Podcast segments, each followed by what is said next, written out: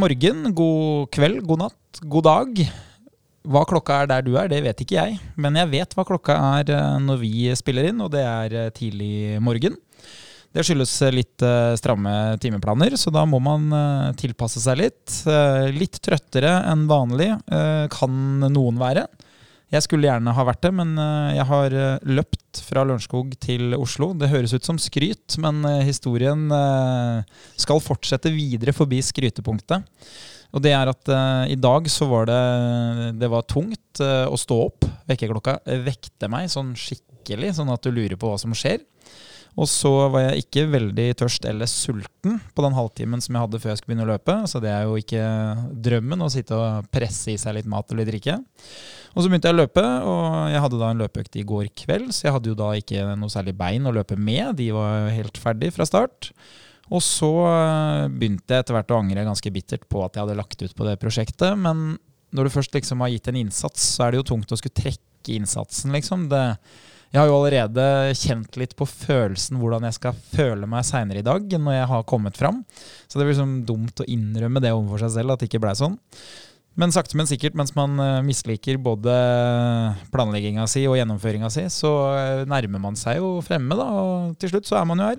Så det var en dårlig idé før, under og rett etter, men nå begynner jeg faktisk å blomstre litt. Så eh, nå begynner jeg liksom å havne i den situasjonen som er veldig bra da med menneskekroppen, og det er at man glemmer jo litt det ubehagelige man har vært igjennom, som gjør at man havner ut i samme møkka en gang til. Som f.eks. å fryse på tær og fingre, som jeg gjør hver høst og hver vinter. Du er jo ikke samme møkka, Sindre. Du er jo tilbake her, og det er jo en opptur for podkasten. Hvordan å eh, går det med deg? Nei, altså sånn Utenom at vi er her og har det veldig gøy, så har jeg det egentlig ganske kjipt om dagen. Eh, ikke det at det går så dårlig, men vi er inne i en måned som heter oktober. Og der har jeg og min eh, gode vennegjeng en utfordring hver eneste oktober, som vi kaller Sober October. Det er jo ikke så moro sånn egentlig. Det er jo ikke noe moro i det hele tatt. Vi skal ikke drikke kaffe. Og da har jeg funnet ut at får jeg ikke lov til å spise sjokolade. Det er det beste jeg vet. Ja, jeg vet det. Det er forferdelig. I tillegg skal jeg ikke drikke mørk brus, for det er det også koffein i. Så er jeg forsiktig med teen. Så er det en kalddusj hver eneste morgen i 31 dager. Så er vi på dag fem, da. Så vi skjønner at det her begynner å bli tungt. Snakkes i november, da. Er det, Men- er det målet er det å ha det kjipest mulig, liksom? Er det sånn eh, helvetesuka På en måte, men jeg tror, i hvert fall for min del, så er det å sette ting litt i perspektiv. En måned høres veldig langt ut når vi sitter her og prater nå. Og når jeg sier at jeg har dag fem, det høres veldig langt ut. Men det er akkurat sånn som du forklarte meg når du løp i stad. Så vurderte du å stoppe på Oslo S. Og så tenkte du nei, det går jo ikke. Vi har allerede kommet så godt i gang. Og det er det samme jeg tenker. Akkurat nå så er det dag fem av 31 dager. Men i januar så har jeg glemt, for da er det to-tre måneder siden det her skjedde. I november til neste år så er det så langt frem at det er ikke noe man tenker på.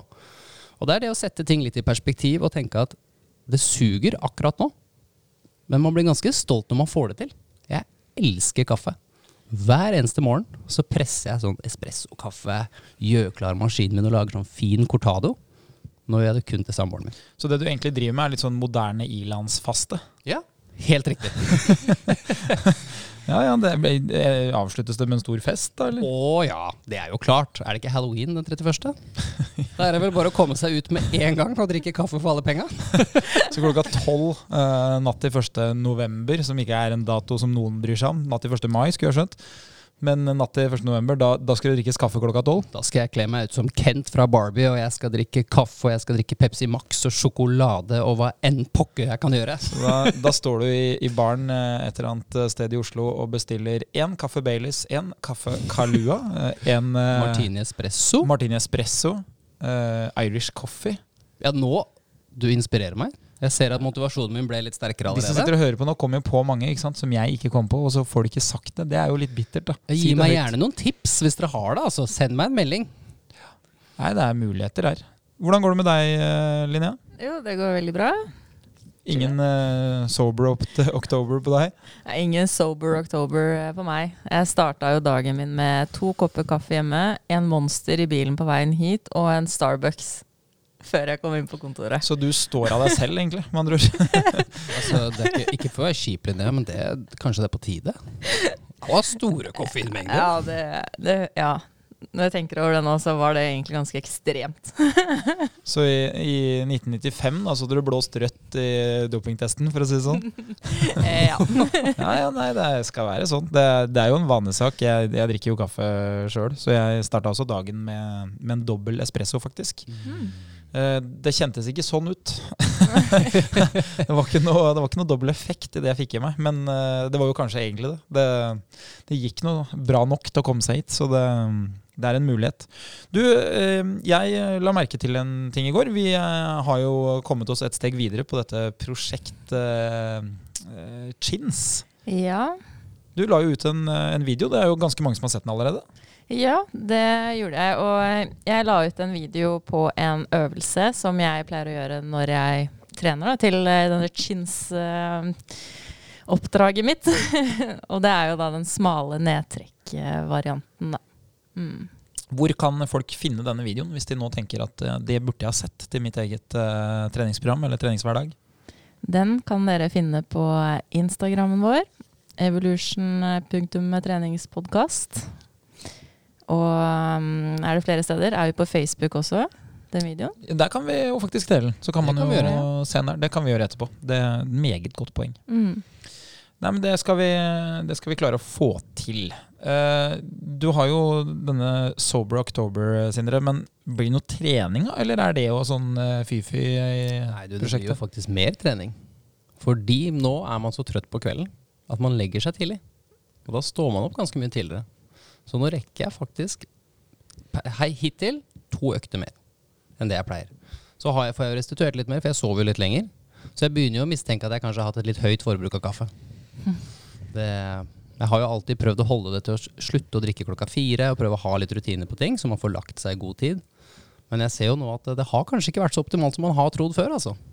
Nei, nei, det er jo Man legger jo ofte merke til noe når det blir fravær av det, da. Det er jo på godt og vondt. Altså Én ting er jo sånn koffein og sånn, som eh, på en måte har en effekt inni kroppen. Men jeg kan jo si det sånn at hvis du er vant til å kjøre til jobb, og jeg tar fra deg bilen, så vil du også på en måte merke det. Og det finnes jo en del andre ting. Og vi eh, som driver da kommersielt sant, med treningssenter, merker jo også det hvis f.eks.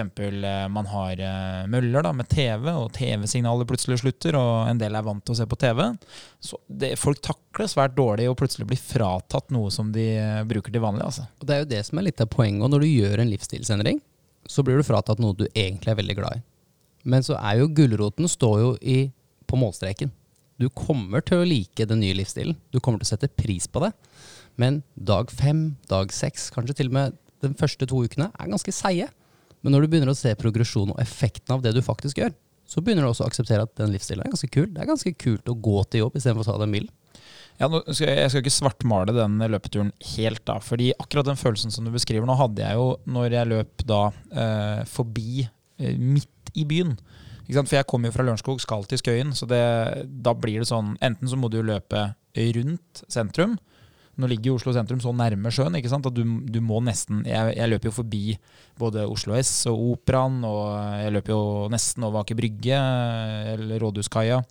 Og, og det er jo et eller annet i meg, og når jeg kommer dit ikke sant? Jeg starta jo når det var helt bekmørkt i dag tidlig. Eh, så det var jo virkelig tidlig tidlig på morgenen når jeg starta hjemmefra. Men så når jeg kommer ned i sentrum og ser folk som skal til jobb, noen som sykler, noen som eh, skal levere noen unger på skole og barnehage og sånn, og det har blitt lyst, så tenker jeg jo sånn her er det ingen som vet at jeg egentlig for eh, godt over en time siden og eh, 13 km siden var et sted hvor det var helt mørkt. Eh, Det var ingen, det var, for å si det sånn, jeg trengte ikke å kjøre slalåm på fortauet når jeg dro hjemmefra. Så den følelsen, den liker jeg jo, og det er jo et resultat av å har gjort, eh, eller tatt da, gode avgjørelser mange ganger på rad over lang tid. Så sånn sett så, så kjenner jeg meg jo igjen i det du beskriver. altså. Og da kan jeg også stille deg spørsmålet, er det mange av de øktene som har gjort at du har kommet til der du er i dag, hvor du har vurdert, jeg har ikke så lyst til å løpe i dag, det her er ikke så gøy. Ja, ja, ja. Det, det er flust av økter på forhånd. Flere av de enn de gode øktene? Ja, ja, ja. Det Mest sannsynlig så vil jeg si at eh, kanskje i beste fall så er det en 50-50-split. Hvor liksom halvparten er økter hvor jeg tenker sånn eh, Ja, det her, det her kan jeg gå greit, eller jeg gleder meg til det og sånn. Og så har du en 50% som er sånn uff, ja. Ok, og eh, av den 50 så er jo sikkert en 10-20% som er sånn ok, det, dette må gjennomføres fordi at jeg har sagt, uh, sagt at jeg skal gjøre det, eller det står i kalenderen. Men hadde det ikke vært for det, så hadde jeg droppa det. Uh, Så det er jo klart. Men en annen ting er jo også hvor mange av øktene jeg har gjennomført, har jeg angra på. Og det er jo kanskje bare Det kan du jo sikkert telle opp på to hender. Og de øktene jeg angrer på, det er jo ikke fordi at jeg angrer på den fysiske aktiviteten eller effekten av det eller opplevelsen. Det er jo at det har vært situasjoner hvor eh, ok, eh, skal jeg da løpe en siste hardøkt nå når jeg har vondt under foten eller vondt i leggen, og så etter fire kilometer så har du da strekk i leggen. De angrer jeg jo på, men det er jo i høyeste grad selvforskyldt. Absolutt. Nei, det var litt som vi diskuterte her, Linnea, at eh, han har jo jogget 19 km. Stemmer det? Det, det stemmer, på, eh, med et avvik på 10 meter, for det var vel 19,01. Så det var veldig nærme. Og det ikke og- det, som er, det er det jeg syns er så inspirerende. Det er det noe alle kan få til hvis man putter inn innsats over tid. For dette er ikke noe du har gjort over natta. Det er som du sier, det er ganske mange økter og mange år med trening som gjør at du kan gjøre det før jobb, og det være din målrutine. Ja, for det, det er jo en sånn viktig ting. Jeg diskuterte jo litt hjemme i, i går kveld, da, fordi jeg skal hente en bil etterpå, som gjør at eh, da er det smart å ikke ha med seg en bil. Det er litt vanskelig å kjøre to. Selv om jeg har den egenskapen at jeg kan sykle med to sykler. For det måtte jeg gjøre mye i barndommen. Eh, Vi sykla til og fra skolen. Stjalsykler du, eller? Ja, jeg var i hvert fall god på å sykle på den ene og holde i styret på den andre. da, På styrestemme. Så jeg, det er en egenskap jeg har, at jeg kan eh, ha med meg to sykler hvis jeg må det. Men jeg klarer ikke å ha med meg to biler. Det har jeg ikke, jeg har ikke øvd så mye på å henge ut av den ene og inn i den andre.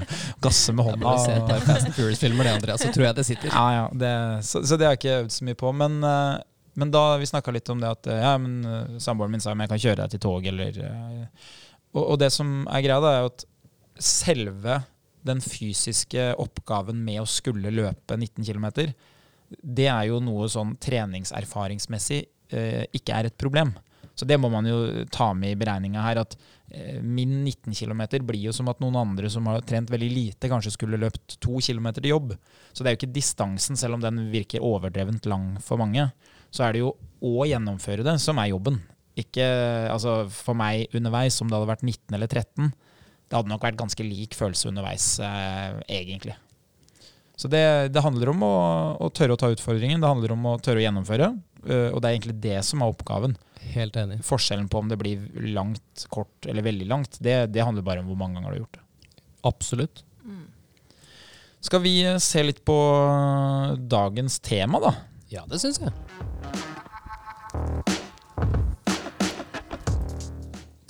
Vi får jo inn eh, en del henvendelser, og en av de tingene som vi får mest spørsmål om, det er jo eh, det å ha høy forbrenning i trening. Eller at treninga skal gi høy forbrenning etterpå. Så det er jo ikke noe hemmelighet at eh, veldig mange er på jakt etter type trening eller effekt som skaper et potensial for vektreduksjon. Eller så kan det jo hende at folk tenker åh, det hadde vært sabla deilig å bare kunne spist enda mer og veie det samme. Nå, tror jeg ikke det skjer i så mange tilfeller. Det er jo en av mine målsetninger, å få lov å bare være helt bajas på matfronten, men uh, ikke gå masse opp i vekt. Så det er jo en, en mulig motivasjonsfaktor, det. Men uh, jeg tror jo sånn basert på befolkningsstudier at folk ønsker kanskje å finne metoder for å kunne ta av seg noen uh, kilo med ekstra vekt som de har. Ja. Stemmer det overens med det du opplever ute på senteret, Sindre? Absolutt. De aller fleste av kundene jeg møter, har jo et mål om å komme seg i form. Det er jo ofte den overordna måten vi sier det på. Og så sakte, men sikkert så er det nei, jeg vil ha litt mer muskler, eller kanskje litt mer synlige muskler. Så jeg har lyst til å gå litt ned i vekt da, og føle meg litt lettere i kroppen. Og det er jo, jeg vil nesten tørre å si at syv av ti kan komme med en form for ønske om vektnedgang på en eller annen måte. Det er, jo, det er jo et høyt antall, men det stemmer jo også overens når vi vet at over én av to, altså over 50% har jo da en kroppsvekt eh, basert på studier om helse som er litt for høy. Ja. Og så vet vi også at veldig mange ikke er fysisk aktive, så det er jo fornuftig å gjøre noe med det. De kundene som du har, eh, Linnea, pleier de å være ærlige og si at liksom det er ned i vekt jeg ønsker, eller opplever du i stor grad at de kommer inn, har kanskje vage målsetninger, skjulte målsetninger, og så når du blir kjent med de, så kanskje de avslører at det er vektreduksjon som egentlig var eh, et av mine mål. Eh, Det er egentlig ganske sjelden folk eh, sier det eh, som åpningsord i de her PT-start-timene jeg har med de. Det kommer gjerne fram litt etter hvert. For uh, først så snakker de jo om liksom, ja, jeg vil bli litt sterkere, kanskje. Eller jeg vil liksom føle meg litt bedre. Så går vi liksom inn på det her med hva er det som skal til for at du føler deg bedre? Hva er det å føle bedre for deg? Og da kommer det fram at nei, det å kanskje være litt lettere og ja. Passe inn i den gamle buksa, kanskje. Ja, og det å liksom føle seg litt strammere. Og da, ja kommer de jo rundt da til den derre Ja, jeg vil egentlig ned fem-seks kilo eller mer eller mindre, eller ja. Det er jo ikke så rart. Det er et ganske sårt tema å prate om. Det er det. Hvis du, hvis du skal bedømme, da nå, Det blir jo da bare antakelser. Men tror du sånn motivasjonsmessig i starten at de har et overfladisk mål? At de tenker sånn Hvordan jeg ser ut i speilet? Eh, eller tenker du at de kommer inn fordi at uh, de vet at uh, god helse er uh, noe du får gjennom å trene? Hva, hva, tenker du liksom om sånn oppstartsmotivasjon, da? Jeg tenker at kanskje de fleste har en sånn overfladisk tanke rundt det. For det er, liksom, det, er det du ser, det du vet, liksom. Uh, det er ikke sånn at mange er så reflekterte rundt det spørsmålet med å liksom begynne å trene. For man har ikke den kunnskapen. Da. Man tenker liksom ikke så mye over det. Man tenker bare 'oi, shit, buksa fra i fjor passer ikke i år', liksom. Da må jeg få gjort noe med det. Ikke sant? Jeg er helt enig. Jeg uh, har jo hatt en opplevelse med to ulike kunder som har vært litt morsom. Og det har vært sånn Hva er årsaken til at du står her? Jo, nå skal du høre. Jeg har et belte, og det beltet trenger flere hull. Fordi jeg klarer ikke å få det på meg.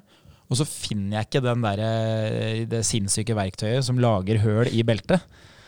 Og da tenkte jeg det er lettere for meg å begynne nå å gjøre noe med det, enn å begynne å leite etter hvor jeg får kjøpt en sånn der til å lage høl med, og begynne å kjøpe nye belter. det har skjedd meg to ganger. To menn, selvfølgelig. Det er ikke noe hemmelighet, det. Men, men det viser jo liksom bare uh, hva som kan være, uh, kall det, uh, det som skaper endring. Da. Eh, den utløsende årsaken er liksom da et belte som egentlig bare viser at over tid så har jeg gjort eh, noe som har vært lite gunstig for kroppsvekta mi. Hva, hva, pleier du å sette i gang med, Linnea? Hva, hva, er steg én når du liksom skjønner at ok, her har vi noen som skal ned i vekt? Hva, hva ville du gjort da? Um, jeg, det er jo selvfølgelig at jeg prater med dem og blir kjent med dem og liksom hører liksom hva som skjer i hverdagen deres og hvordan livet deres ser ut. da. Uh, og så begynner jeg egentlig mest med trening først. Begynner å få dem i mer aktivitet. Og mens vi da trener, at jeg da liksom plopper inn litt sånn ja, hvordan, hvordan er kostholdet? Hvordan spiser du? Hvordan, hva spiste du i dag? Og hvordan føler du deg i dag? At det liksom går veldig sånn Ja, det skyter litt inn med litt info, diskré form, mens vi trener. For det viktigste er jo at den begynner å bevege på seg og begynner å gjøre mer trening og øke hverdagsaktiviteten deres, da. Tenker jeg. Ja, ja for jeg uh, følger jo egentlig den oppskrifta som du beskriver her, da. at Eh, når noen kommer til meg, så kommer de jo til meg fordi de tenker at fysisk aktivitet er bra for kroppsvekta. Og Hvis jeg møter de med å si at eh, du, nå vi må gjøre en, en eh, revolusjon på matfronten her, fordi det er det som faktisk hadde gitt liksom, raskest resultater, så tenker jeg de gangene hvor jeg har prøvd det, så har jeg ikke alltid fått en kjempegod respons.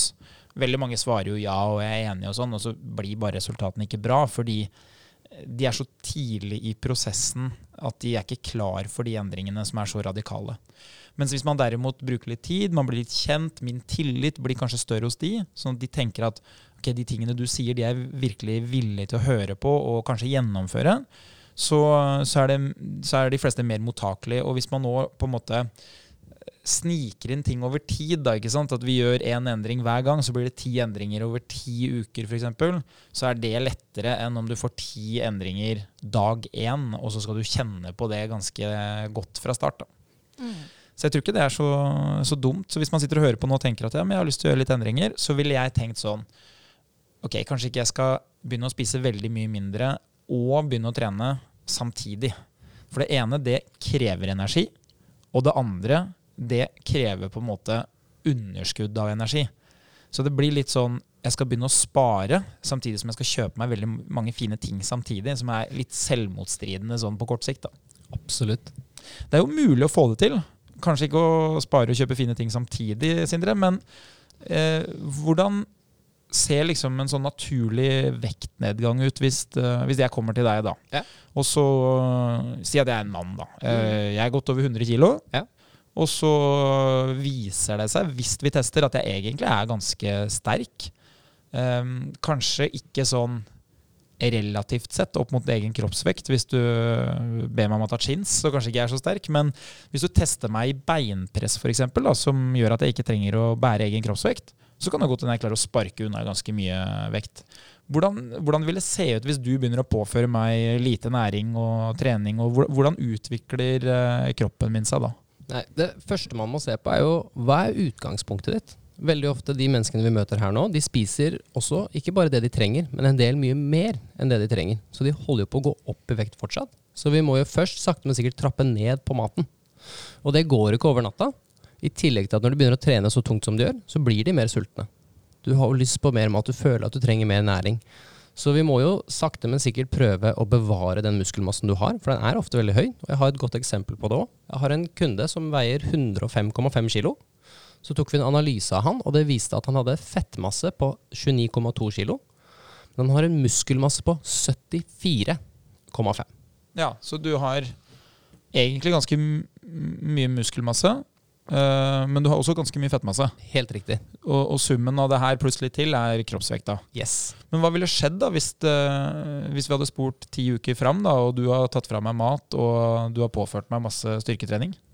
Forhåpentligvis har vi bevart en del muskler, men vi vet med vektreduksjon at du mister veldig mye muskler og fett. Og det er helt normalt, for det betyr ikke at du blir svakere eller at musklene blir noe mindre synlige av den grunn. Det betyr bare at det er ganske tungt å bære en stor kropp, som gjør at det krever en del muskler. Det betyr ikke at de musklene nødvendigvis er så funksjonelle hvis vi f.eks. prøver deg i beinpressen for første gang. Det kan hende at du ikke har så god kontakt, at du ikke har så god forståelse på det å presse deg. Så da må vi bruke de ti ukene på å komme i gang. Mens når man da ser over ti uker, plutselig så er du i stand til å ta kanskje tre ganger så mye vekt på åtte repetisjoner. Men jeg som PT kan også se at nå er du i stand til å spenne opp, stramme, skape buktrykk og gjøre alle de små tingene som gjør at du kan få mest mulig kraftutvikling i musklene. Og hvis du ikke gjør det, så går vi ikke til utmattelse, og da får vi ikke stimulert den muskelen så vi klarer å bevare den når vi går ned i vekt. Ikke sant? Ja, men det er jo gode poeng å ta med seg. Da, at eh, det å trene gjør deg mer kapabel til å bruke musklene du har. Eh, og det at du går ned i vekt, gjør veldig ofte at kroppsmassen din blir lavere, som igjen gjør at du ikke trenger så mye muskler. For hvis du tenker at du skal gå opp noen trapper, du skal gå ganske mange skritt i løpet av en dag, så vil kroppsvekta di på en måte gjennom tyngdekraften sørge for muskler. Ja. Men så tar du bort masse kroppsmasse. Det blir som å ta av seg en sekk på 20-30 kilo da, og forvente at det skal være like mye muskler uten sekken som med. på en måte. Det pleier jeg faktisk å si til kundene mine. Jeg pleier å si hold den 20 kiloen her. Den er tung. Ja, den er kjempetung. Ja. Da er det ikke så rart at du har fått en del muskler da. Du må jo bære den her på hvert eneste skritt du tar. Og så tenker man jo at åh, det er så synd at jeg mister muskler. Men så må man se det litt bare på hvordan menneskekroppen fungerer. Den har lyst til å overleve. Og det er ikke noe vits å ha masse muskler hvis ikke du har et arbeid som krever at du skal ha masse muskler. Kroppen vil spare energi. Kroppen har lyst til å overleve. Og du gjør ikke det hvis du har 74 kilo muskler og du ikke bruker det i det hele tatt. Så det du egentlig beskriver her, da, er jo årsaken til at man får lavere hvileforbrenning hvis man da har lavere kroppsmasse. Det var neste punkt. For det skulle jeg vise mot en kvinne jeg har. Som Ikke også har jeg har også tatt en analyse på. Så jeg kan jo gjøre det veldig enkelt bare før jeg går videre. Hvileforbrenningen til denne mannen er på 2018 kalorier. Ish. Og da veide han Da veide han 105,5 kilo. Ja. Og 2000 kalorier, det er ganske mye. Og det er jo da hvis han ikke beveger seg på en hel dag. Da ligger han sengeliggende.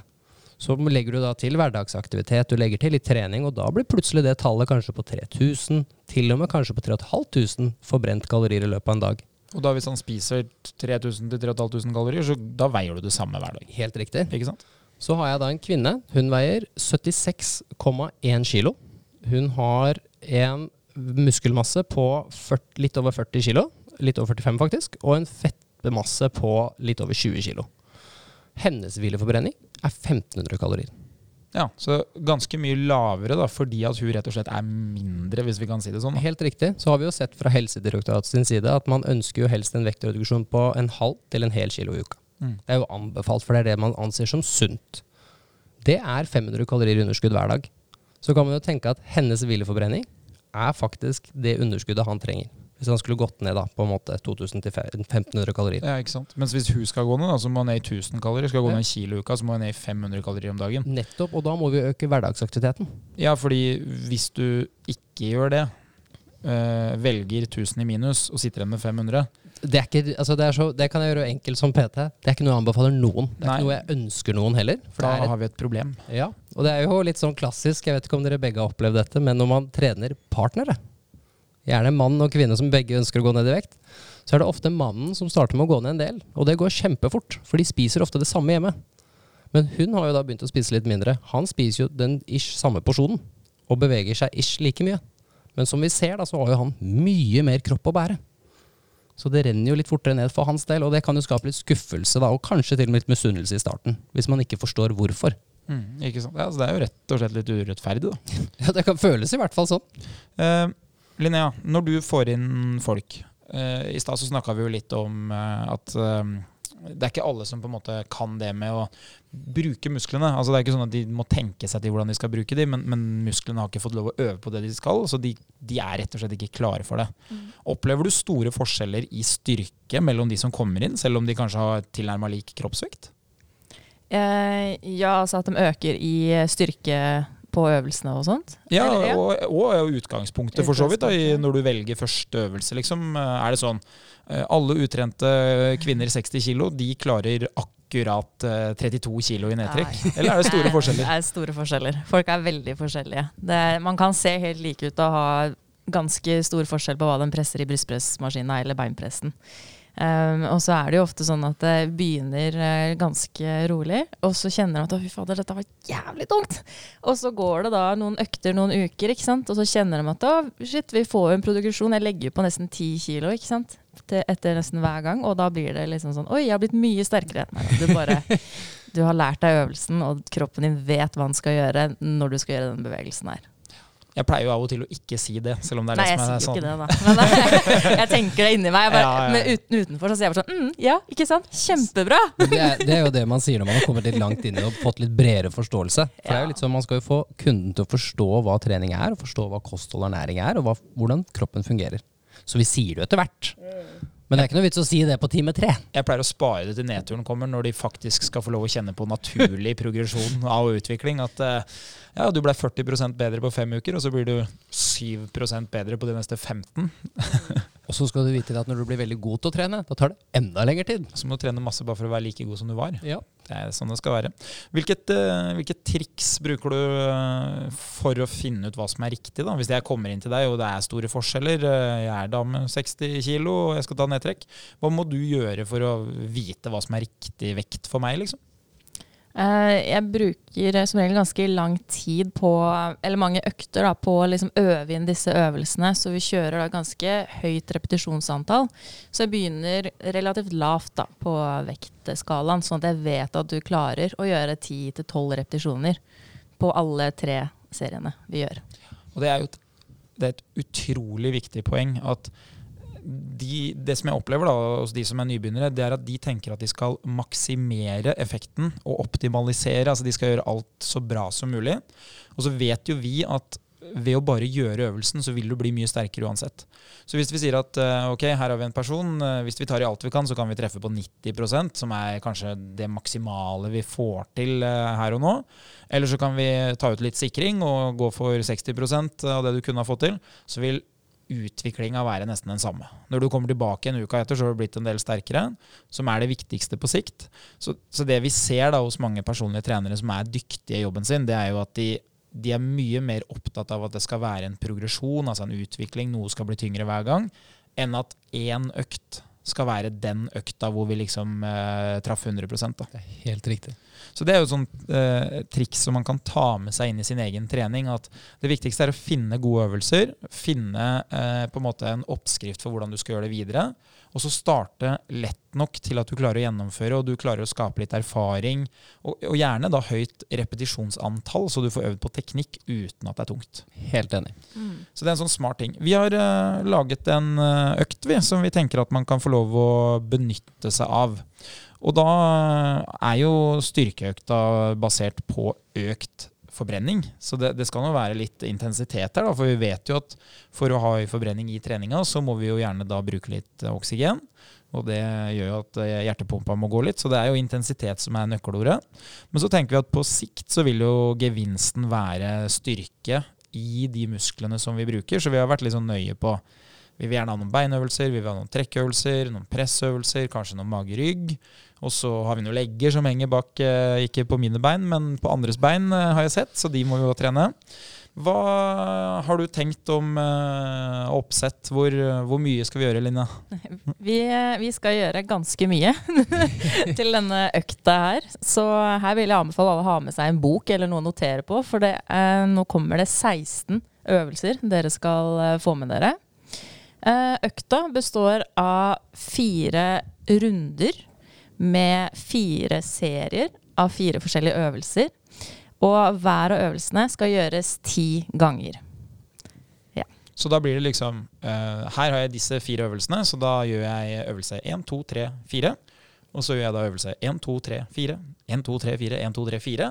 Og så bare fjerner jeg alle de øvelsene, og så finner jeg da fire nye øvelser. Og så gjør jeg de 1, 2, 3, 4, 1, 2, 3, 4, 1, 2, 3, 4, 1, 2, 3, 4. Og til slutt så ender vi da på at du har gjort da 16 ulike øvelser, og du har da hatt fire serier av hver av de øvelsene som vi hadde. Og så er repetisjonsantallet satt i ti, for at vi kan ikke gjøre det helt sirkus her. Nei. Det blir ganske mange repetisjoner her, da. Det blir det. Det blir det. det, blir det. Ja, det blir en del. Hva vil du ha som de fire første øvelsene? Yes, Runde én. Da begynner vi med en eh, knebøy av en eller annen form. Og så har vi benk, eh, nedtrekk og mountain climbers for mage og kjerne. Eh, knebøy det kan du gjøre enten med stang eller med manual foran kroppen. Eh, og benk kan du enten gjøre som vanlig benkpress, eller så kan du gjøre det som brystpress på benken. Eh, og så kan du ha nedtrekk, eller du må ha nedtrekk, og da må du stå i et nedtrekksapparat. Og det er jo den eneste som er fast da, av de fire. Så det kan være lurt å stelle seg ved siden av nedtrekksapparatet. Og så kan du ha en benk ved siden av deg. Så har du alt du trenger, pluss tre manualer, da, selvfølgelig. Til, eh, benk, nei, til brystpress og til bøyen. Og så avslutter du med eh, mountain climbers, og der trenger du ikke noe utstyr. Du trenger bare armer og bein og kropp, så får du gjort det. Ikke sant. Uh, mountain climbers, da, sånn enkelt forklart, da står man på alle fire. Som om man skulle tatt pushups. Og så er det da å få kneet opp på utsida av uh, arma på samme side. Forferdelig øvelse, syns jeg egentlig. Men uh, den funker, da. Den er seig. Ja, ja. Det, men um, det som gjør at jeg liker den, er navnet. Mm. Mountain Climbers høres jo veldig motiverende og spennende ut. Det er jeg enig i. Og så skjønner jeg hvorfor det heter det. Ja, faktisk. Så det syns jeg er litt sånn morsomt. Uh, hvis du har klatra på en vegg før, så kommer du til å skjønne den øvelsen her veldig fort. Selv om det er ikke sånn det ser ut når jeg klatrer, fordi eh, jeg velger en teknikk hvor rumpa mi er mye lengre ut. Ja. Som da tydeligvis er det totalt motsatte av det som er smart i klatring. Det er jo å holde hofta inntil veggen og bruke beina. Ikke henge med rumpa ut som en eh, saccosekk og bruke arma. Det er godt vi ikke klatrer for mye, si. Det er mulig å få klatretimer hvis man vil det med den teknikken, men eh, foreløpig har ingen etterspurt den teknikken. Det er bra styrkeeffekt på det. Du får noen sterke armer. Ja, problemet mitt er jo at jeg kan bare klatre eh, tre-fire ganger ti repetisjoner. For det er det jeg klarer i eh, kroppsøving. og det samme som jeg klarer å holde fast med, med klypa. Hva vil du ha som de eh, fire neste øvelsene i, i runde to? Runde to, da slenger vi med utfall, Eh, skulderpress, roing og rygghev på matte. Eh, her er det da også roing, som er den eh, som krever et apparat eller noen slynger. Så kan du eventuelt ta dem med kroppsvekten din. Um, og da er det utfall. Der trenger du din egen kropp og kanskje noen manualer hvis du er sterk nok til det. Og det kan du enten gjøre gående opp og ned langs f.eks. turfen vi har på EVO-sentrene våre, eller så kan du gjøre dem på samme plass. Er det de grønne mappene? Det er det. De grønne mappene hvor det står tall. Aha. Så kan du bruke de strekene som sånne skrittindikatorer, da. For slipper du å ta kjempelange steg noen ganger og kjempekorte andre ganger. Hvordan skal jeg da få til at eh, det som er ti i treningsdagboka, og som av og til kan bli åtte, hvordan, hvordan får jeg til det da, når du står på bakken? da står det jo åtte. Ja. Det er jo ikke mulig å snike seg unna lenger. Eller? Det går ikke det nå. Du får starte på én, da Ja, kanskje bare starte på én og kommer tilbake til én. Så ja, ja, sånn er det. Ja. Eh, skulder, skulderpress de kan du gjøre stående, eller så kan du gjøre de sittende. Eh, det er jo litt mer stabilt da, hvis du kjenner at det å løfte opp armene over huet i en stående stilling gjør at du begynner å vaie fram og tilbake, som gjør at du ikke klarer å ha mer vekt. Da er det greit å sette seg ned og gjøre den sittende og stabilt. Roing, da er det jo det roapparatet som vi har, hvor du trekker den, den kabeltingen. ja, men vet du hva, Det er faktisk et godt poeng, for jeg har lagd mange treningsprogrammer hvor jeg skriver roing. ja. Og så er det bare sånn Du, det, det var ikke noe tungt. Jeg gjorde, masse, jeg gjorde de repetisjonene. Ja. Nå, eh, nå skal jeg, jeg skal utgi noen i den podkasten her nå som det her kan, dette kan føre til at den tynne isen jeg står på, ryker. Men eh, eh, for en uke siden så lagde jeg en økt som jeg sendte med noen på trening. La oss forholde oss til noen. Det er ikke meg, eh, det er noen andre. Eh, og da var den ene øvelsen som jeg la ved, var roing. Du opplevde du òg, Ja, og når noen kom i retur eh, etter trening, så var treningsøkta eh, bra. Det hadde gått greit. De hadde gjort det de skulle. Eh, og så fikk jeg spørsmålet da om det med roing. Hvordan det var tenkt i forhold til belastning, for det føltes veldig lett.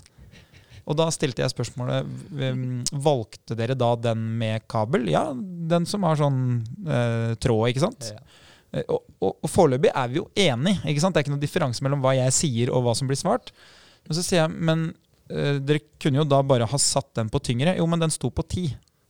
Der har vi den. Ikke sant? Og så tenkte jeg den sto på ti, og ti er sånn Ok, så sa jeg, men er det den nest tyngste? Nei, den går fra én til ti. Og da gikk det opp for meg at vi er ikke i kabelapparatet, vi er på romaskina. Ja. Eh, og nå er det jo faktisk sånn da at for de aller aller fleste som ikke har trent veldig mye trekkøvelser, så ville nok kanskje det å sitte og ro vært en bra start for styrkeutvikling i ryggen. Og så får du terpa teknikken din som bare rakkeren. Ja, og egentlig så er jo roing bare en veldig klossete måte å kjøre veldig mange markløft på med lett be- belastning. Ja. Det har du ikke tenkt på. Nei, Godt poeng. Ja, det er egentlig det, vet du. Vet du, nå må jeg prøve her. Ja. Ja, ja, Bortsett fra at hvis du skal få retta ut hofta helt, da, som du gjør i markløft, så vil det jo være Det tidenes kuleste roer, da, for da ligger du jo vannrett bakpå der. Men starten i, eh, i rotaket er jo klassisk markløft fra, fra Ja, dyp det jo. posisjon. Hmm. Eh, så da skjønte jeg at når man sier roing, så kan det være så mangt. Mm. Så eh, noen vil da mest sannsynlig ikke bruke romaskina neste gang. Eh, og her tar jo jeg det fulle ansvar, selvfølgelig. Det er jo, som jeg pleier å si, at hvis eh, mottaker ikke fattet budskapet, så er det avsender som har et problem. Så det er jo da sånn pedagogisk god læring for meg. Men det er første gang jeg har opplevd det. Det verste er at jeg har opplevd det flere ganger. Jeg skjønte at roing i kabel, det, det må være tydelig spesifikt. Roing i kabel ved siden av PT-kontoret. Ja. En ting som bare slår meg sånn mens vi sitter og snakker om det, som jeg får veldig mange spørsmål om. Når vi velger roing i kabel, hvorfor velger vi roing i kabel og ikke roing med manual, eller roing i apparat? Eller roing i romaskin, for den saks skyld. Da. Men det som vi på en måte kom fram til, er at det er veldig lett belastning. Da. Jeg tror, i hvert fall for min egen del, så er jo du får økt stabilitet, først og fremst. Og hvis du er ny på trening, eller hvis du har veldig stort ønske om å bygge mye muskler, så er stabilitet et fint fokus. For da kan du få pressa mest mulig. Ja, så, så hvis du bruker øh, Nå, sånn nå er vi i kabelen, denne maskinen hvor det er magasin, og vi- hvis du justerer vektene. Ikke 1 til 10. Nei, ikke sant? Så hvis du sitter i den Men, men hvis jeg vil at enda mer Si at jeg ikke vet hva jeg skal Jeg vet ikke helt hvordan jeg skal gjøre det. Ville jo ikke da vært mulig å valgt sånn eh, apparat? Sånn ferdig apparat, holdt jeg på å si? Jo, og det er det som er så fint med de apparatene. Veldig ofte så står det også hvordan du skal utføre øvelsen på apparatet. Og på de nyere apparatene så er det også en QR-kode veldig ofte, hvor du kan få opp en video. Men så er det lett også, for det er navn på de. Så du kan søke det opp på nett og få videoillustrasjon. Så er det jo fordeler med å bruke manual. Du, litt, du blir mindre stabilt, du må jobbe med litt flere muskelgrupper. Men det er kanskje litt mer interessant når du har kommet i gang og blitt litt bedre på det. Ja, jeg ville i hvert fall tenkt sånn at et av kriteriene for å kjøre med manual er jo gjerne at resten av musklene kan gjøre en statisk jobb med å holde meg i posisjonen. Ja, Holde seg svai i rygg, ikke minst. Det er jo ganske utfordrende i starten for mange. Har du et forslag til en annen eh, Si at eh, du har treningssenteret helt for deg selv, da, Linnea. Kunne du brukt en annen type roing enn sånn manual og eh, med kabel? Ja, vi har jo en veldig fin en eh, som er sånn maskinvariant, hvor du har en sånn bryststøtte. Og den pleier jeg å bruke på de som er helt ferske til trening. For det er ofte mye enklere for dem å forstå at her skal jeg trekke albuen bakover og henda altså, Det er liksom mye enklere å forstå enn i en sånn kabelapparat eller med manualer, da. For det som skjer da, sånn rent uh, biomekanisk, er jo at når du lener brystet på en, en sånn um, pute da, som på en måte tar imot motstanden fordi vekta du skal trekke er tung, du trekker vekta mot deg, og da vil jo kroppen gjerne bli med fremover. Da slipper ryggen å jobbe. Mm. Så hvis du sitter i et uh, kabelapparat da, på en benk, eller du driver på med disse vektene sjøl, så må jo ryggen strammes, ellers så vil du bare tippe framover. Og det betyr at da skal du gjøre to ting samtidig. Da skal én muskel jobbe eh, på en måte eh, helt statisk. Den skal ha like mye kraft hele tida, bare for å opprettholde posisjonen. Mens en annen muskel skal jobbe dynamisk. Og jeg kan si det sånn at oppi hodet til noen som har trent lite på bevegelser, så er det, det er på en måte 2.0-varianten. Så det letteste er at musklene gjør samme bevegelse. De enten beveger seg eller 90-graderen, eh, eller så gjør vi bicepskøll. Mm, Mens her gjør vi liksom begge deler samtidig. Så mm, det er jo en erfaring jeg har at eh, man må kanskje trene litt på å kunne trene. Ja. Så hvis du har treningssenteret for deg selv, eller du tenker at ok, det har jeg aldri prøvd før, så kan du jo faktisk da bruke det apparatet. Eh, et paradoks er ofte at de største og sterkeste som er mest opptatt av å bygge muskler, de velger øvelser som gjerne har mange ulike ledd som skal involveres. Sammensatte øvelser som gjør at de taper mye kraft på å skulle ha kontroll på flere ledd samtidig. Så hvis du skulle ha blitt så sterk som mulig, da, eller så fått så stor um, muskeltverrsnitt da, eh, som mulig, så hadde det jo kanskje vært smartere å sitte der og dratt absolutt alt du kan, og så valgt en annen øvelse for å trene ryggen. Men, men, det opplever jeg ikke at skjer. Jeg føler kanskje det er mer de eh, litt eldre personene som burde ha trent eh, med ustabile bevegelser, som sitter der. Jeg satt og hørte på en podkast med en mann som går under navnet Stronger by Science, og han sa det at det er forskjell på å bli sterkere i øvelsen og bli sterkere i muskelen som jobber. Og veldig mange blir jo, det gjør da f.eks. en sånn roing med f.eks. stang lener seg over. Det blir litt fokus Hamstring må jobbe, sete må jobbe, magemuskelen må jobbe. Og det blir mye sterkere i øvelsen. Man ser en progresjon. Men målet, som du sier, er jo å bygge større muskler. Så kanskje man skulle gått til den øvelsen som gir deg mest gains overhodet mulig. Jeg er helt enig i det du sier. Eh, det er bare noe helt annet jeg kom på her nå. Jeg er spent. Eh, og akkurat nå følte jeg det var et samsvar mellom hva han følger, og navnet på de appene som vi snakka om i en tidligere episode. her. Hva het den nettsida, sa du nå? Stronger Bro Science? Nei, stronger by Science. Oh, ja, det var Strong by Science. Ja, det, var, det, var det er jo ikke så ille. Ja. Hvis det er Stronger Bro Science, tenkte jeg det, det hadde vært noe, det. Altså, Da hadde jeg ikke, da kunne jeg sagt med en gang Da kunne jeg ikke sjekka det heller. Hva het den der appen som jeg gjorde narr av forrige gang? Train Heroic. Train Heroic. Altså, for meg det er så amerikansk eh, flagg i bilen og full pupp, det der, altså. Og så fuglen som bare flagrer rundt der. Ørnen.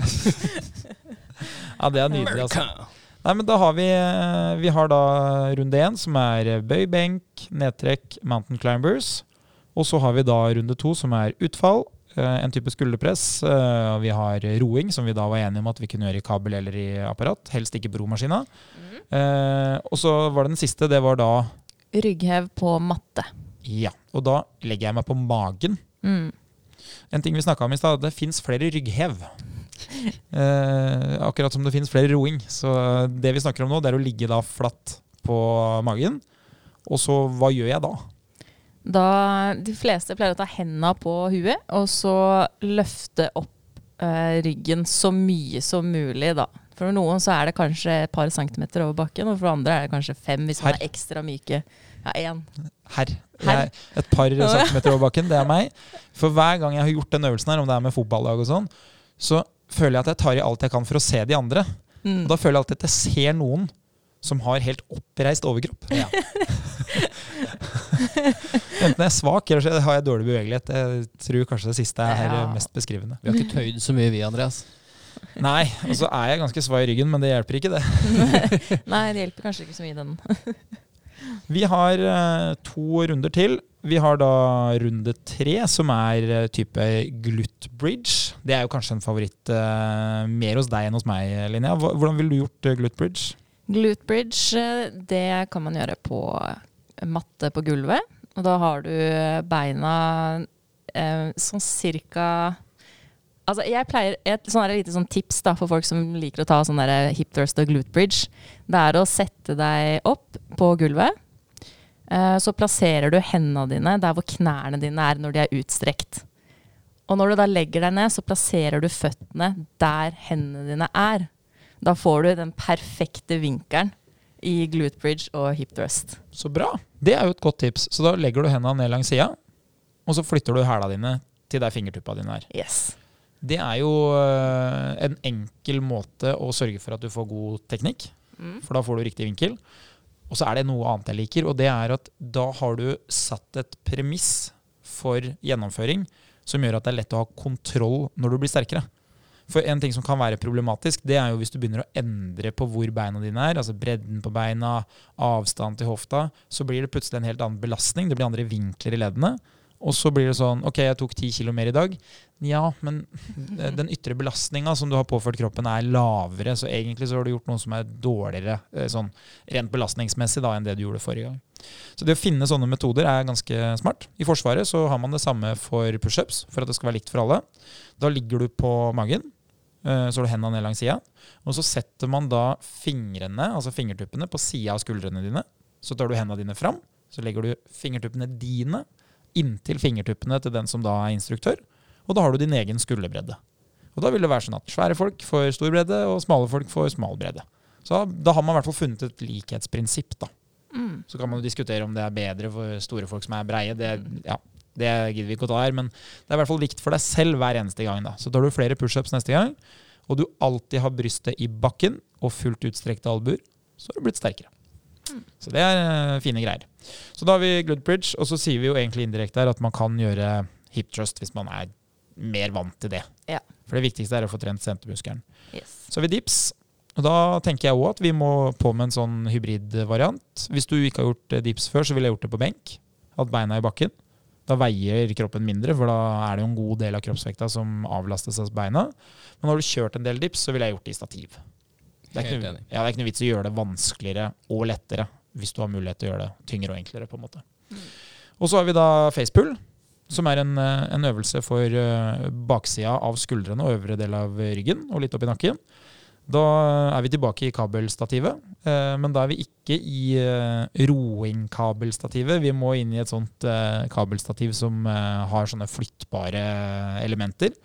Så setter du på et tau, fester eh, egentlig da kabelen eh, Jeg liker å feste den høyt. Hva gjør dere? Fester den litt over øynene mine, så jeg prøver å få det parallelt når jeg trekker. Ja, jeg har den litt høyere. I hvert fall hvis jeg bare trekker den direkte opp i ansiktet. For man kan jo også ta det en litt annen variant, hvor man da trekker tauet først liksom opp mot trynet, og så vrir den opp over huet. Ja. Da liker jeg å trinse lavere enn eh, blikket. Ja, så vi er liksom er ganske Festet her skal være et sted fra brystet til litt over hodet. Ja. Ja. Og så er det høye albuer som er nøkkelen her. Yes. For hvis albuene er lave, og det er litt sånn morsomt Hvis albuene dine eh, Jeg skal prøve å forklare det enkelt, da. Men hvis albuen din, hvis du hadde satt liksom et punkt på albuespissen din Hvis det punktet kommer nærmere kroppen din, altså torso, eh, litt fancy navn her, men brystkassa di, så vil det være den store muskelen på ryggen som brukes. Men hvis det punktet ikke kommer noe nærmere kroppen din, men bare vandrer rundt, da får ikke den muskelen hjulpet til så mye, og da blir det muskler høyere opp på ryggen som hjelper til. Så et sånt triks er ofte albuene ut, sørge for at de går sånn i hvert fall eh, vannrett rundt kroppen. Så hvis du skal trene musklene øverst mellom skulderbladene, så handler det om å få albuene ut fra kroppen. Skal du trene den store ryggmuskelen din, så kan du la armene og albuene dine gå inntil kroppen. Så i sittende roing, den vi hadde i stad, da lar du albuene skli langs sida på kroppen, mens i denne øvelsen så har du albuene ut. Det var en banal, enkel måte å forklare det på. Og så, etter det, så har vi da båten med rotasjon, som den heter eh, hos meg. Grunnen til at den heter det, det er hvis du søker opp i f.eks. Exolive, som er et eh, system som du kan bruke for å finne øvelser, så er det det han heter. Så det er derfor jeg sitter med sånne eldgamle navn som dere ler av. Men hva, Linja, hva heter båten med rotasjon på litt mer eh, moderne språk? Det er vel eh, Russian twist det heter, er det ikke det, Sindre? Jo. Ja. Det er det. Så da, da har vi en som heter Russian twist, og det betyr egentlig at du sitter på rumpa. Og så er jo målet egentlig å få beina opp fra bakken. Så du skal sitte og balansere. Og så har du da gjerne en vektskive eller en ball, og så tar du den i bakken på hver side. Og da er jo mitt tips at hvis det er en ball, ikke klink den i bakken sånn at den på en måte vandrer av seg selv. Bare prøv å touch bakken, for da må du ha mye mer kraft for å holde igjen vekta av den ballen når den er ute på sidene. Mm.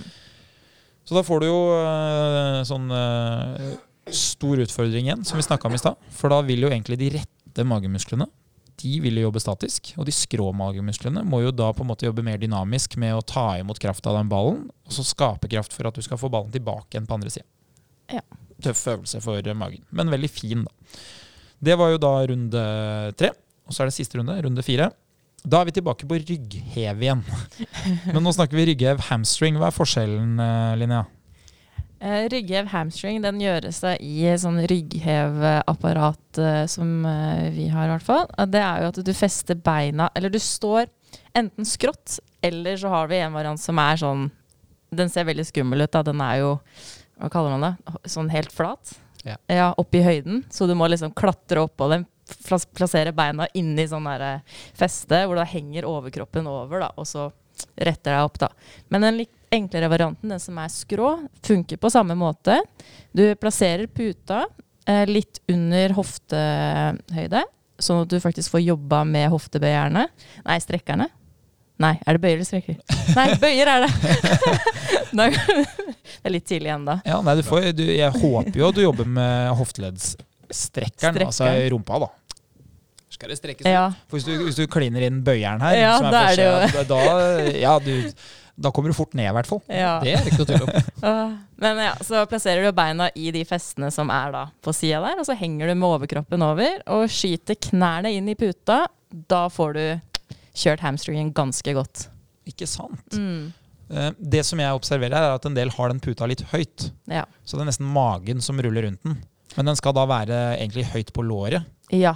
Den skal være høyt på låret. Det er, og hvis du er litt eh, lav, da, så kan du gjerne bruke sånne vektskiver og ha det under føttene, sånn at du faktisk kommer deg over den eh, puta. Ja. For det er ganske viktig. Er det, er det lov å si at uh, det kan jo hende det bare er meg, men det er en opplevelse jeg har hatt. Både sånn uh, stang, knebøy i nakken og det her. Det, det går bedre. Jeg vet, jeg vet det, på en måte, så hvis jeg gjør det mange ganger, så går det bra. Men i starten så gjør det jævlig vondt i låra mine. Ja. Mm. Er det, er det bare meg, eller er det noen andre som har gitt den tilbakemeldinga? Det tror jeg er ganske mange. Både på rygghev, knebøy. Det er veldig mange som har lyst til å begynne med pute på knebøy, f.eks. Ha det på ryggen. Og det, det er som du sier, det er, liksom, det er de par, tre, fire første gangene, og så er det helt borte. Ja, for det er ikke godt vondt engang. Det er vondt-vondt, liksom. Ja. Ja. Nei, men det går over. Man bare gjør det nok ganger, så venner du deg til det. Ja, du er ikke her fra det koselige, pleier du å si da. Nei, det, å, ja. Ikke noe hvilehjem, det her! Det er brutalt. Nei da, men da, da er jeg enig i det. ok, Men da får jeg bare bære over med det. Uh, neste, American situp. Nå er det jo et fancy, moderne navn her, men eh, det var ikke noe vanlig øvelse, skjønte jeg. For jeg måtte forklare det i stad. Men øvelsen er egentlig da at du legger deg ned på bakken, og så tar du fotsålene mot hverandre. Og da, Normal bevegelighet gjør jo at da må du bøye knærne. ikke sant? Det, hvis du får fotsålene sammen med så rette bein, da er du en annen liga enn meg, for å si det sånn. Oh, ja. Ja, så her snakker vi 90 grader bøy i kneet, og så beina da mot hverandre, altså undersida av beina mot hverandre. Og så strekker du armene i været. Så da ligger du flatt på bakken, ikke sant? armene godt over hodet, og så skal du da reise deg helt opp, og så touche bakken på andre sida av beina dine. Så beina dine holder da den formasjonen med fotsålene mot hverandre, 90 grader i knæra. Og så blir det da situps på den måten. Og det, det tar da veldig mye av magen da i, i samme bevegelse. Så en fin, eh, en fin øvelse å bruke. Og så har vi da omvendt flies. Kan gjøres i kabel. Jeg ville kanskje tenkt at jeg hadde gjort det eh, stående. Og da betyr det at du steller deg eh, bare stående, og så bøyer du deg så godt fremover at ryggen din er vannrett. Så du liksom har en 90 graders knekk i hofta. Og så har du helt, helt rette armer, og så flakser du som en fugl, egentlig. Det var egentlig veldig bra forklart. Ja, og Hvis du da i tillegg liksom ser bitte litt opp, ikke helt opp i taket, men ser litt framover, så, så vil du også stramme opp øvre del av ryggen. Og Da er det bare å flakse som en fugl, og da får du brukt innsida av skulderbladene. Egentlig det samme bevegelsen som vi var på jakt etter når vi gjorde facepull tidligere. Ja, egentlig. Og så har vi den siste, kanskje den enkleste for de fleste, og det er jo tåhev. Og det er jo da at du står rett opp og ned, og så løfter du hele kroppen din ved å rette ut anklene. Og eh, tåhev er en uh, fin øvelse fordi den trener bare ett ledd. Så den er egentlig ganske, ganske, god. Det er jo da bare ankeleddet som skal eh, rettes ut der. Så det kan du jo da enten gjøre ved å stå på en eller annen eh, steppkasse, en kant f.eks. Kan stå på bakken òg, eh, og hvis du vil ha litt ekstra vekt, så kan du jo bruke smittmaskin, eller du kan også bruke sånn beinpress. For da kan du legge på litt ekstra vekt. Hvis du trener på treningssenter hvor de har Jeg lurer på om det heter calf race så får du uh, muligheten til å sitte og gjøre denne øvelsen. Og ha belastninga over låret. Så det som egentlig skjer da, er jo bare at du fjerner det ene festet som går forbi bak kneleddet. Så da ber du de andre festene på leggmusklene om å trene litt mer. Soleus? Soleusen. Så det, det, er forskjellen. Du kan fint bruke den, men det er ikke noe For de aller fleste så er det ikke der vi er eh, med det treningsprogrammet her. Nei. Og liksom, Hvordan tenker du gjennomføringsmessig at vi skal gjøre det, Linja? Er det, er det bånn gass fra start? Er det lange pauser? Hva, hva vil du gjøre med tanke på, på, høy forbrenning her? Med tanke på høy forbrenning så dropper vi pausen her. Vi går bare direkte fra øvelse til øvelse til øvelse til øvelse.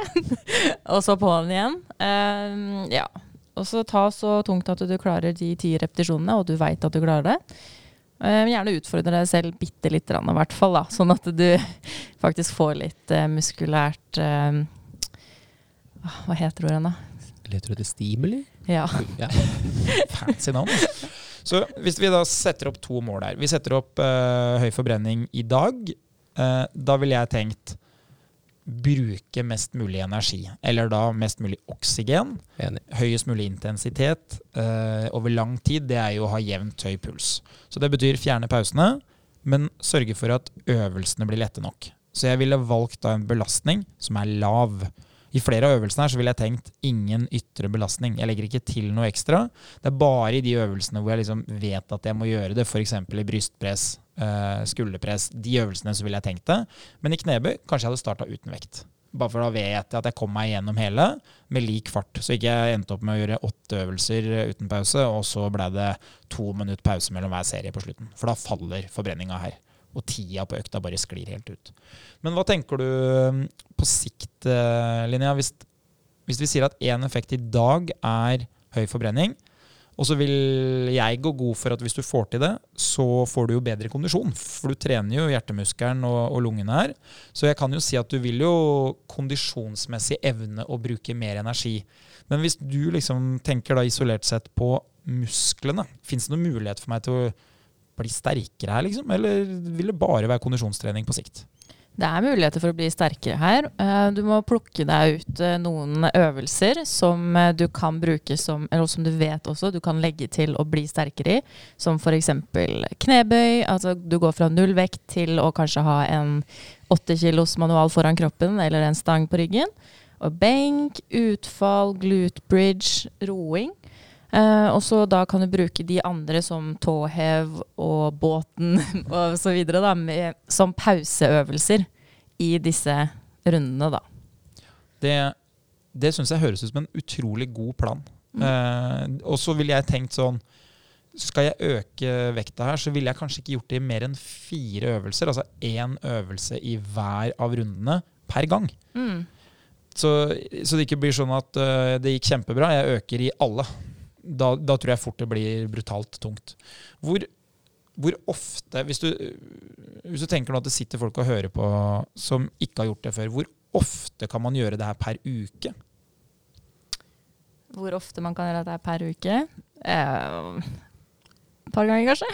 Hva er utgangspunktet, må ja. vi kanskje stille først. Hvor mye har du, mye har du trent før? Ja. Jeg, vel, jeg, liker, jeg, elsker jo prinsippet ditt, Andreas. Vi starter med én gang i uka i en hel uke. Så prøver vi to ganger. Det er vel to uker på rad tre uker på rad med tre økter, fire uker.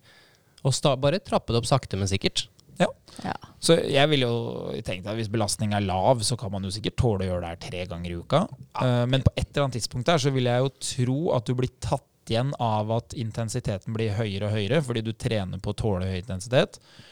Og så vil du jo, hvis du trener hver dag, eh, begynne å få et problem i andre enden med at du ikke har noe restitusjon. Yes. Så liksom opptil tre ganger i uka. Men, men da ville jeg også begynt å stille meg spørsmålet hvis jeg evner å få til tre økter i uka, ville det ikke vært smartere å splitte kondisjon og styrke? Hvis målet mitt er eh, både litt mer muskler, litt sterkere muskler og bedre kondisjon, så ville jeg på et eller annet tidspunkt tenkt ok, da splitter jeg økta i to. Så istedenfor å gjøre dette her i en time, så ville jeg kjørt eh, litt hardt eh, på kondisjonstreninga, kanskje noe intervall, og så trent styrke med tyngre vekter og lengre pauser.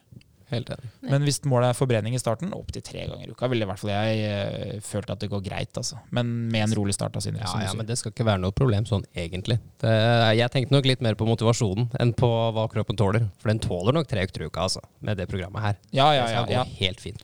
Ellers så tåler den ikke det i det hele tatt, men da skyldes det jo bare at man har null eh, erfaring, Yes. og det kan man på en måte ikke vite på forhånd. Altså. Så det er ikke, det er ikke så enkelt å, å vite noe om. Hva, hva står på planen videre, Linnea? Du er jo egentlig midt i høstferien din, selv om du kanskje ikke vet det selv. Ja. Hva tenker du om eh, prosjekt eh, kroppsheving? Hva er neste steget nå? Nå viste du jo fram en øvelse på, på Instagram. Ja, eh, det er jo å fortsette å følge programmet mitt og forhåpentligvis få mer og mer progresjon eh, som, som tida går. Eh, det har jo blitt litt trening den siste, den siste uka og uka nå. Og så etterpå skal jeg sykle litt intervaller. Jeg må jo forbrenne litt fett her også. For som jeg nevnte helt i starten av dette prosjektet, her, er at jeg må jo også ned i vekt. så da må jeg også trene litt for forbrenning, og i, tillegg til det med muskelvekst. Da. Ja, Kult.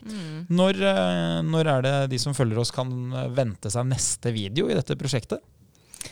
Neste video ja, kommer i løpet av uka, tenker jeg. Så bra. Ja. Ja, ja, nei, men Jeg liker det. Jeg ser at det er mange som følger etter det, så det, det er litt kult. Hva er planen din, eh, Sindre, bortsett fra å ikke nyte noen av livets goder de neste fire ukene? Du, jeg er så privilegert og heldig at i høstferien nå så jobber jeg på basketballcamp som styrketrener for masse fremtidige Holdt på å si, jeg håper gode og lykkelige basketballspillere.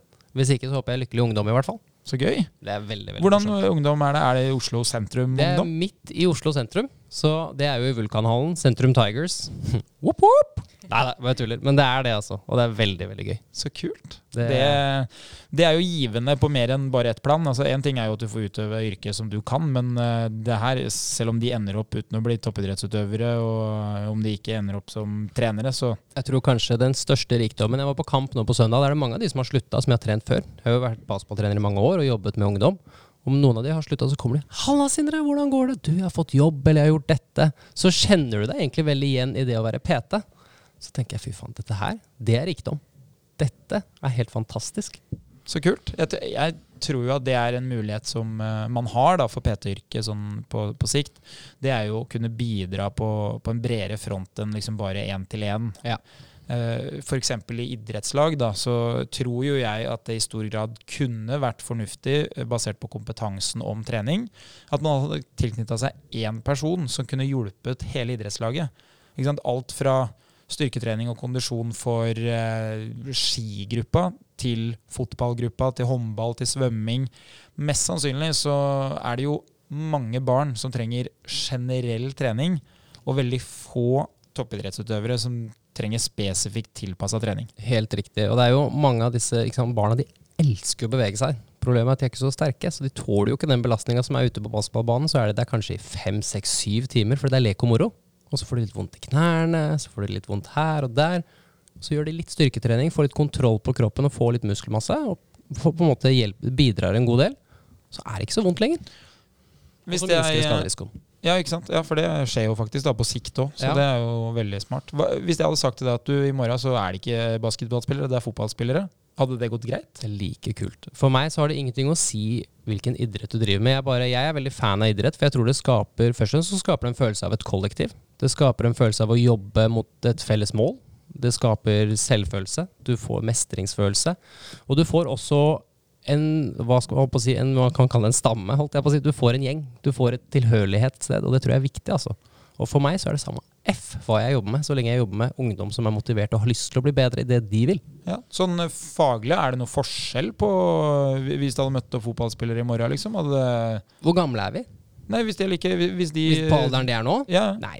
Generell, jeg jobber jo med generell styrketrening. Vi bruker jo veldig mye fra skadefri.no, som er eh, Lurer på om det er Olympiatoppen ja, som har dratt i gang den. Utrolig flott verktøy hvis man har lyst til å trene barn og ungdom, og lure litt på øvelser, og kanskje øvelser som er motiverende.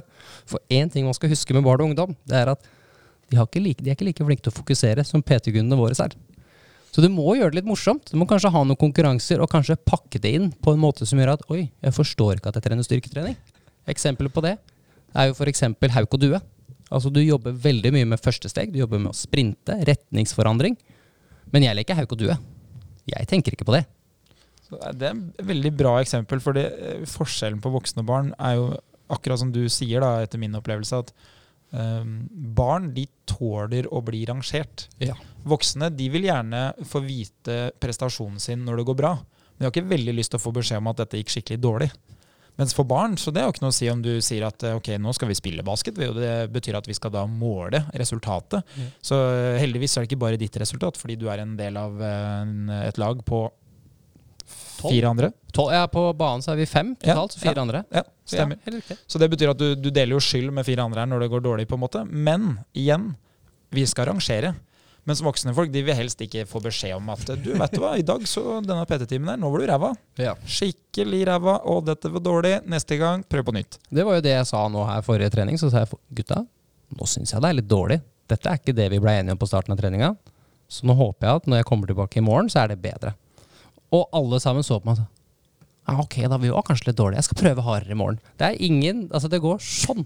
Og så har man glemt at det var dårlig. Det er jo satt på spissen, det er jo ikke sånn at man skal si det i PT-timene, men, men det er det ofte resultatene ville sagt, da.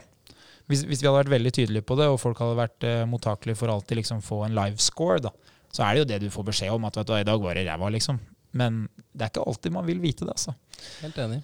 Så vi får jo håpe at eh, enda flere er litt mer fysisk eh, aktive fremover. Det trenger befolkninga, det trenger individet. Det vet vi jo, det er bra for hodet, bra for kroppen. eh, og så er det jo litt vondt, da, for det er som sparepengene, at for å ha mer penger i fremtida, så må du bruke mindre penger i dag. Det er litt seigt, liksom. Du, du vil gjerne bruke mer, og så skal du bruke enda mindre for at det skal bli bedre i fremtida. Så hvis du er sliten i dag og skal begynne å påføre deg selv trening som gjør deg enda mer sliten, så virker ikke den logisk. Ikke i det hele tatt. Men det er bra på sikt. Tusen takk for at du har lyttet eh, til oss i 1 time, 7 minutter og 31 sekunder. Det setter vi virkelig pris på. Tusen takk for at eh, du er fysisk aktiv, eh, for det håper jeg virkelig at du er. Og så høres vi igjen neste uke.